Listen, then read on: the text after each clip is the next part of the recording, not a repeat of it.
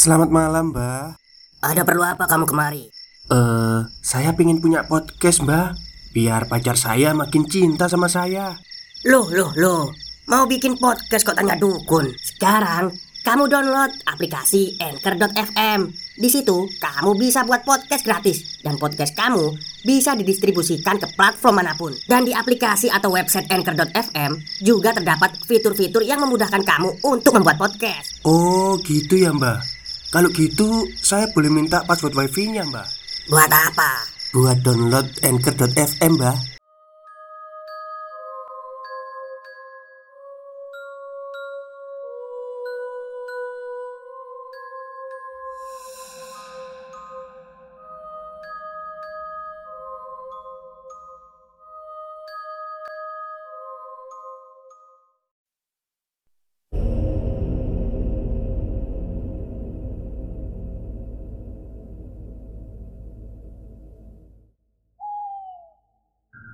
Assalamualaikum warahmatullahi wabarakatuh. Halo semuanya Jumpa lagi dengan saya Chow Sing Sing Kurator dari Podcast Horror Night Story.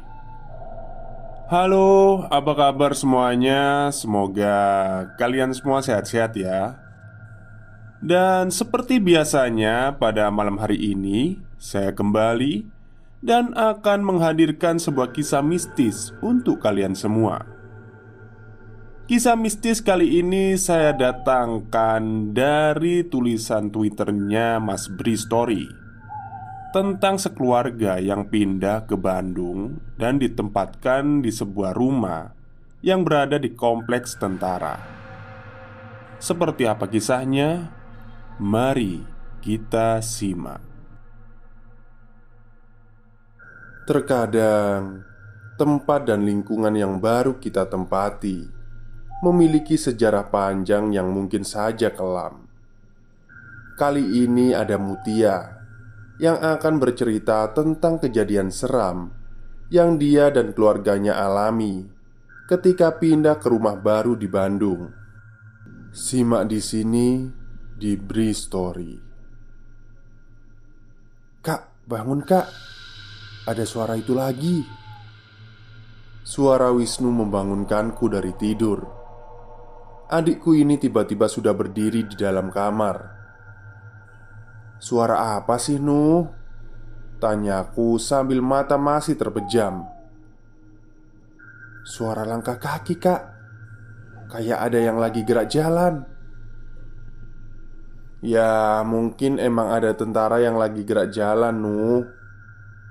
Ah udahlah. Tidur lagi aja. Suaranya sih ada kak. Tapi nggak ada tentaranya kak. Temenin aku lihat ke depan yuk. Wisnu merajuk Tengah malam begini akhirnya aku bangkit dari tempat tidur Menuruti keinginan Wisnu. Kemudian dalam gelap menuju ruang tamu di ruang tamu, aku berdiri dekat pintu, lalu membuka tirai jendela, membuat celah untuk mengintip.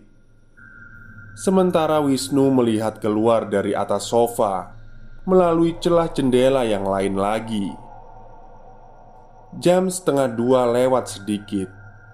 Udara dingin Bandung memaksaku tetap berselimut. Sementara di luar halaman terlihat masih basah bekas hujan sebelumnya. Kabut tipis tergerai menghalangi pandangan, tapi kami masih tetap bisa melihat sampai ke jalan depan. Pagar rumah yang hanya setinggi perut orang dewasa sangat memungkinkan kami untuk bisa melihat melewatinya sampai ke jalan. Tentu saja sepi, sama sekali nggak ada orang apalagi kendaraan lalu lalang. Benar-benar jalanan kosong, bertabur redup cahaya dari lampu jalan yang seadanya. Gak ada apa-apa, Kak. Tapi aku tadi beneran denger ada suara kaki orang gerak jalan. Bisik Wisnu pelan. Hmm, ya udah, nggak ada kan? Kita tidur lagi aja yuk. Ya udah, yuk. Lalu Wisnu turun dari sofa, hendak menuju kamarnya. Aku pun begitu, menutup tirai lalu berjalan mau ke kamar. Tapi baru beberapa langkah berjalan, tiba-tiba sayup terdengar suara yang seperti Wisnu katakan. Suaranya seperti suara beberapa orang yang sedang baris berbaris atau gerak jalan. Suara langkah-langkah kaki yang berderap di atas jalanan. Kami saling berpandangan, lalu masing-masing kembali ke tempat semula, mengintip keluar. Belum ada perubahan. Di luar masih kosong dan sangat sepi. Yang berbeda, kali ini kabut semakin tebal. Tapi walaupun begitu, kami masih bisa melihat sampai ke jalan, walaupun agak samar. Garis cahaya dari redupnya lampu jalan cukup bisa membantu pandangan menembus kabut. Sementara suara langkah kaki masih terdengar. Dari awal sayu perlahan menjadi semakin jelas. Aku dan Wisnu terpaku berkonsentrasi di tempat masing-masing sambil terus memperhatikan jalan. Suasana masih sangat sepi, masih kosong. Hanya derap langkah misterius itu saja yang terdengar. Suaranya sudah sangat jelas terdengar. Perkiraanku, sumber suara sudah dekat. Mungkin hanya beberapa meter dari depan rumahku. Kami semakin tegang memperhatikan keadaan sekitar. Penasaran bercampur takut menunggu sang pemilik suara. Sampai ketika aku yakin kalau sumber suara seharusnya sudah berada persis di depan rumah kami. Karena bunyinya sangat jelas dan dekat. Langkah-langkah kaki seperti orang yang sedang berbaris. Kak, Tiba-tiba Wisnu bilang begitu Sambil tangannya menggenggam erat pergelangan tangan kananku Ada apa? Apa yang Wisnu coba sampaikan? Ternyata ada pemandangan aneh di luar Di jalanan depan rumah Kami melihat Ternyata memang benar Ada beberapa orang yang sedang berjalan berbaris. Menurut penglihatanku, sepertinya mereka tentara. Kalau melihat dari tubuh dan pergerakannya, beberapa tentara yang sedang berbaris layaknya gerak jalan, tapi ada yang aneh. Kami melihat mereka semua hanya berbentuk bayangan hitam, berbentuk siluet. Memang malam masih sangat gelap kabut tebal menyelimuti, ditambah penerangan jalan seadanya. Tapi sepertinya sangat aneh kalau kami melihat mereka hanya berbentuk bayangan hitam. Aku yang melihat Wisnu ketakutan, jadi ikut merasa takut. Cukup seram melihatnya.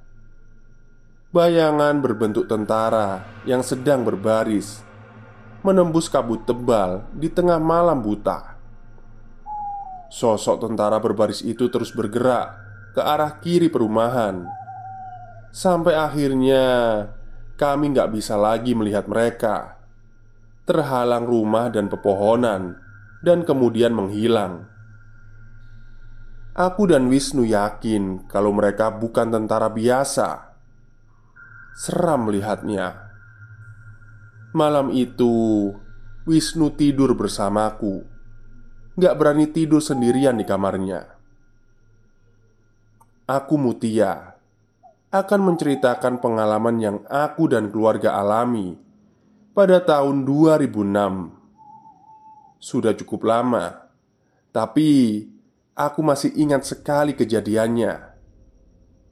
Semua berawal ketika ayahku dipindah tugaskan dari Semarang ke Bandung. Waktu itu, kami sekeluarga diharuskan untuk terbiasa dengan keadaan seperti ini karena beliau adalah pegawai negeri abdi negara. Jadinya harus siap dan rela kalau tiba-tiba dipindahkan sewaktu-waktu ke mana pun di seluruh daerah di Indonesia. Aku dan Wisnu yang pada saat itu masih SMA tentu saja harus ikut pindah. Waktu itu aku dan Wisnu sebenarnya cukup senang dengan kepindahan kali ini Karena tujuannya adalah Bandung Kota yang menurut kami sangat menyenangkan. Kesejukan dan keindahan suasananya bikin kangen. Sebelumnya, kami sekeluarga sudah pernah beberapa kali datang mengunjungi kota ini Jadinya sudah nggak terlalu asing Stop, stop. Kita break sebentar. Jadi gimana? Kalian pengen punya podcast seperti saya? Jangan pakai dukun, pakai Anchor. Download sekarang juga. Gratis. Ya sudah Singkat cerita setelah menyelesaikan segala urusan kepindahan Akhirnya kami pindah kota Pindah rumah. Ayah bukanlah anggota TNI atau Polri.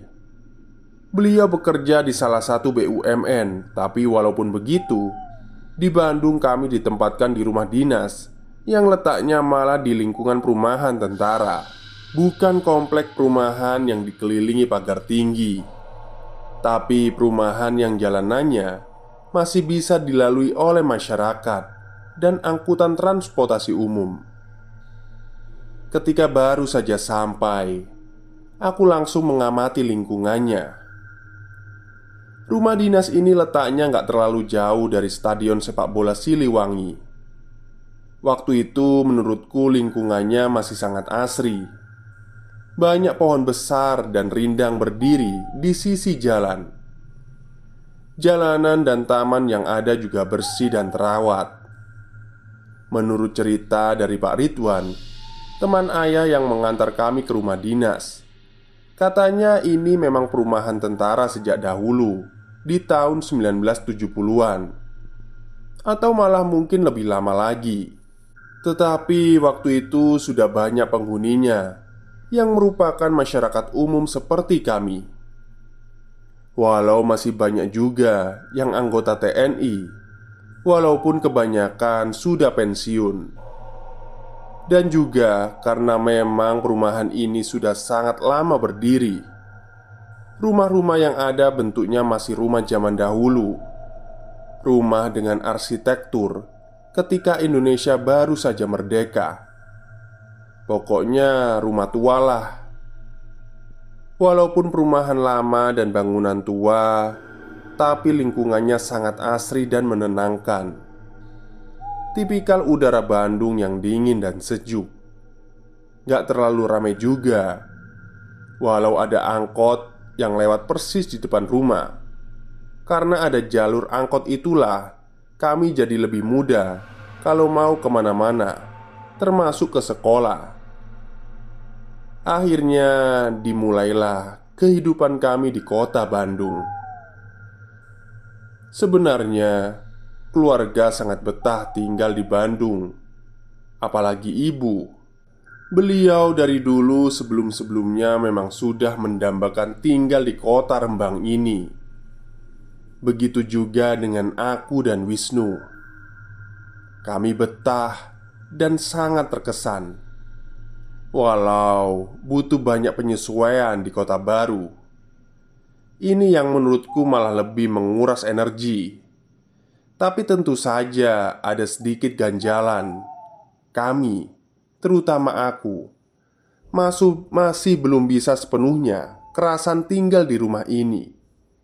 Di perumahan ini Suasananya masih agak asing kami masih belum bisa sepenuhnya berbaur dengan situasi. Rumah dan lingkungan perumahan, lingkungan rumah yang merupakan perumahan lama, mungkin sama halnya dengan perumahan tua lainnya, menyimpan sejarah yang banyak belum terungkap. Jadinya cukup menyeramkan, terutama buat aku dan Wisnu. Ya, nggak bisa dipungkiri lagi kalau perumahan ini cukup seram. Beberapa kali kami merasakan atau malah mengalami kejadian aneh. Salah satunya sudah aku ceritakan di awal tadi, ketika bersama Wisnu mendengar suara derap langkah prajurit yang sedang berbaris di depan rumah. Pernah juga suatu malam, aku melihat ada orang yang berdiri diam di luar pagar depan rumah di bawah hujan deras. Sosok itu berseragam tentara, tapi karena kurang pencahayaan atau apa, aku jadi nggak bisa melihat dengan seksama orang itu.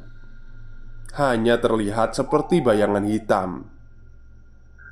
Aku langsung membangunkan ayah, tapi ketika ayah bangun, sosok itu sudah menghilang. Pernah juga pada suatu tengah malam, aku seperti mendengar ada orang yang sedang bercakap-cakap di halaman belakang. Kamarku yang letaknya ada di belakang bersebelahan langsung dengan halaman, membuat aku jadi bisa mendengar percakapan itu cukup jelas. Seperti ada beberapa tentara yang sedang bicara dengan atasannya. Pokoknya percakapannya layaknya tentara, tegas dan keras. Aku nggak berani membuka jendela karena takut.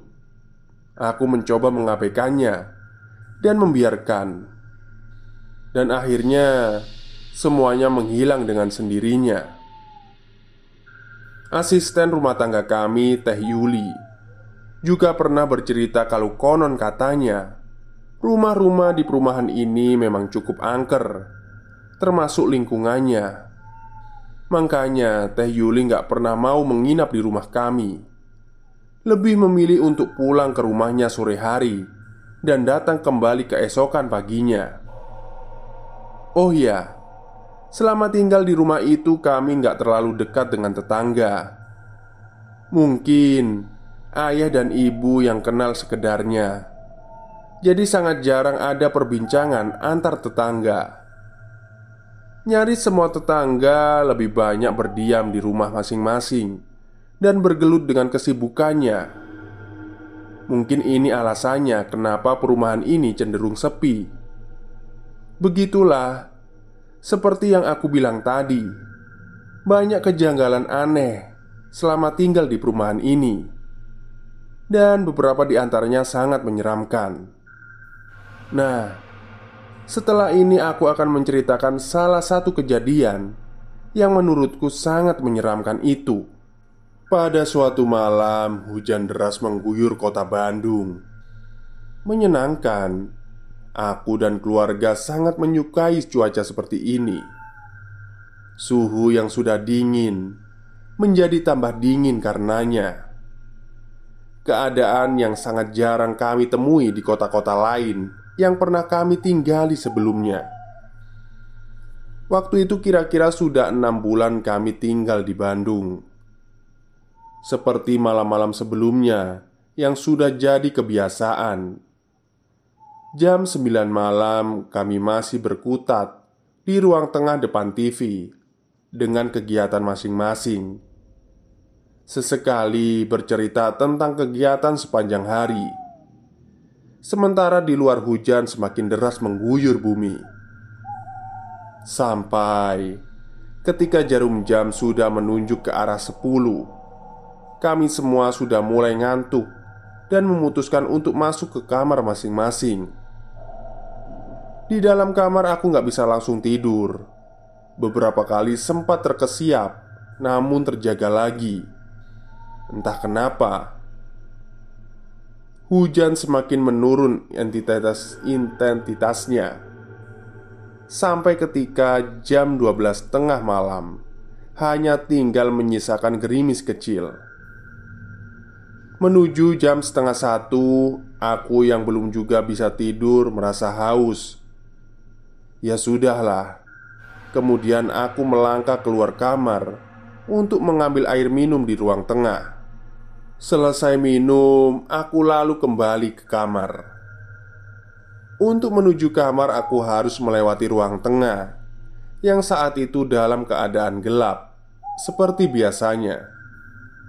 Nah, ketika sedang ada di ruang gelap inilah aku seperti mendengar sesuatu sayup tapi kedengeran. Ada suara langkah kaki di luar rumah. Langkah kaki dari beberapa orang secara bersamaan. Kira-kira seperti itu. Pikiranku menebak. Suaranya seperti langkah kaki beberapa tentara yang sedang latihan baris berbaris. Penasaran, lalu aku melangkah ke ruang tamu. Dari sinilah seharusnya bisa mendengar suara itu lebih jelas lagi. Dan benar, dari ruang tamu aku mendengar langkah kaki itu lebih jelas. Aku mendengarnya sambil mengintip keluar. Tapi di luar nggak ada siapa-siapa. Sepi dan kosong. Sementara Suara langkah kaki itu sayup terdengar. Entah apa keberanian dari mana Aku malah nekat untuk membuka pintu Berniat menuju pagar mencari tahu sumber suara Aku berjalan sendirian tengah malam itu keluar rumah. Di halaman, tanpa keluar, aku berdiri dalam remang cahaya. Jalanan sepi dan gelap. Aku berdiri di balik pagar, memperhatikan sekitar, melempar pandangan ke kanan dan ke kiri. Gak ada orang sama sekali, apalagi kendaraan. Lalu, dari mana asal suara tadi? Suara yang begitu jelas terdengar dari dalam rumah. Ah, ya sudahlah. Aku masuk lagi saja. Begitu pikirku dalam hati. Beberapa puluh detik kemudian, ketika menyadari kalau benar-benar gak ada apa-apa. Ketika aku mundur menjauh dari pagar, tapi ketika hendak berbalik badan menuju pintu, tiba-tiba aku mendengar suara itu lagi. Suara yang sangat menarik perhatian sejak tadi. Suaranya seperti bunyi hentakan kaki beberapa orang yang sedang berlari kecil secara bersamaan. Berlari di atas aspal jalan karena penasaran, aku lalu kembali mendekati pagar untuk mencari dan melihat sumber suara itu. Suara langkah-langkah kaki itu semakin jelas terdengar, mendekat dan semakin dekat. Suaranya terdengar dari arah kanan. Kemudian aku menoleh ke sana. Kabut tipis sedikit menghalangi tapi pandangan masih bisa menembus gelap. Karena akhirnya aku bisa Melihat yang sejak tadi suaranya sungguh membuatku penasaran. Di kejauhan Di balik pekatnya kabut Samar aku melihat ada bayangan beberapa orang yang sedang berlari kecil mendekat. Ya, ada beberapa orang tengah bergerak mendekat ke tempat aku sedang berdiri. Sepertinya benar dugaanku. Suara langkah kaki itu memang suara tentara yang sedang berbaris berlari di atas aspal jalan kompleks perumahan. Benar, mereka tentara. Aku bisa melihat cukup jelas ketika jarak kami sudah semakin dekat.